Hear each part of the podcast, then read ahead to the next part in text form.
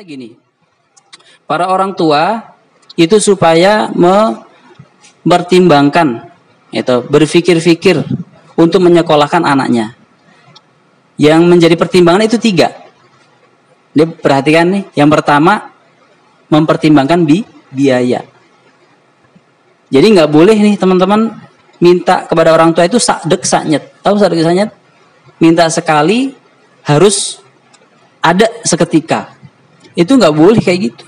Sehingga ada cerita seorang laki-laki minta motor ke orang tuanya. Saat itu motornya yang lagi hits itu, yang lagi viral, itu motor balap. Itu. Karena nggak dikasih dan memang nggak mampu orang tuanya sehingga dia maksa. Dia mengancam akan membunuh orang tuanya. Bahkan rumahnya mau dibakar. Nah, apakah seperti itu cerminan anak solih? Justru malah dur durhaka. Maka kata kuncinya adalah jangan minta sesuatu sak dek sak nyet. Minta saat itu seketika itu harus ada. Wah, jangan. Karena kita itu hidup di dunia, nggak kayak Allah. Allah mengatakan kun fayakun maka jadi. Dan itu di surga. Nah, kita di dunia itu butuh pro proses, butuh proses. Coba lihat yang teman-teman yang remaji, remaja yang udah bekerja, yang udah berhasil gitu. Apakah tiba-tiba langsung begitu? Kan enggak. Ini buat para remaja awali dengan pendidikan, ya kan?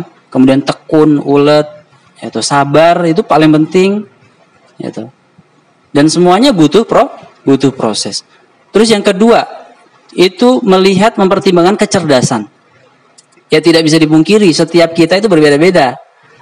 Satu, dua, tiga, empat itu kecerdasannya umpama kecerdasan itu ada sepuluh ya, mungkin ada di level empat, level lima, level enam, gitu. tidak bisa dipungkiri. Tapi itu semua bukan aib. Karena manusia itu saling melengkapi, ya nggak?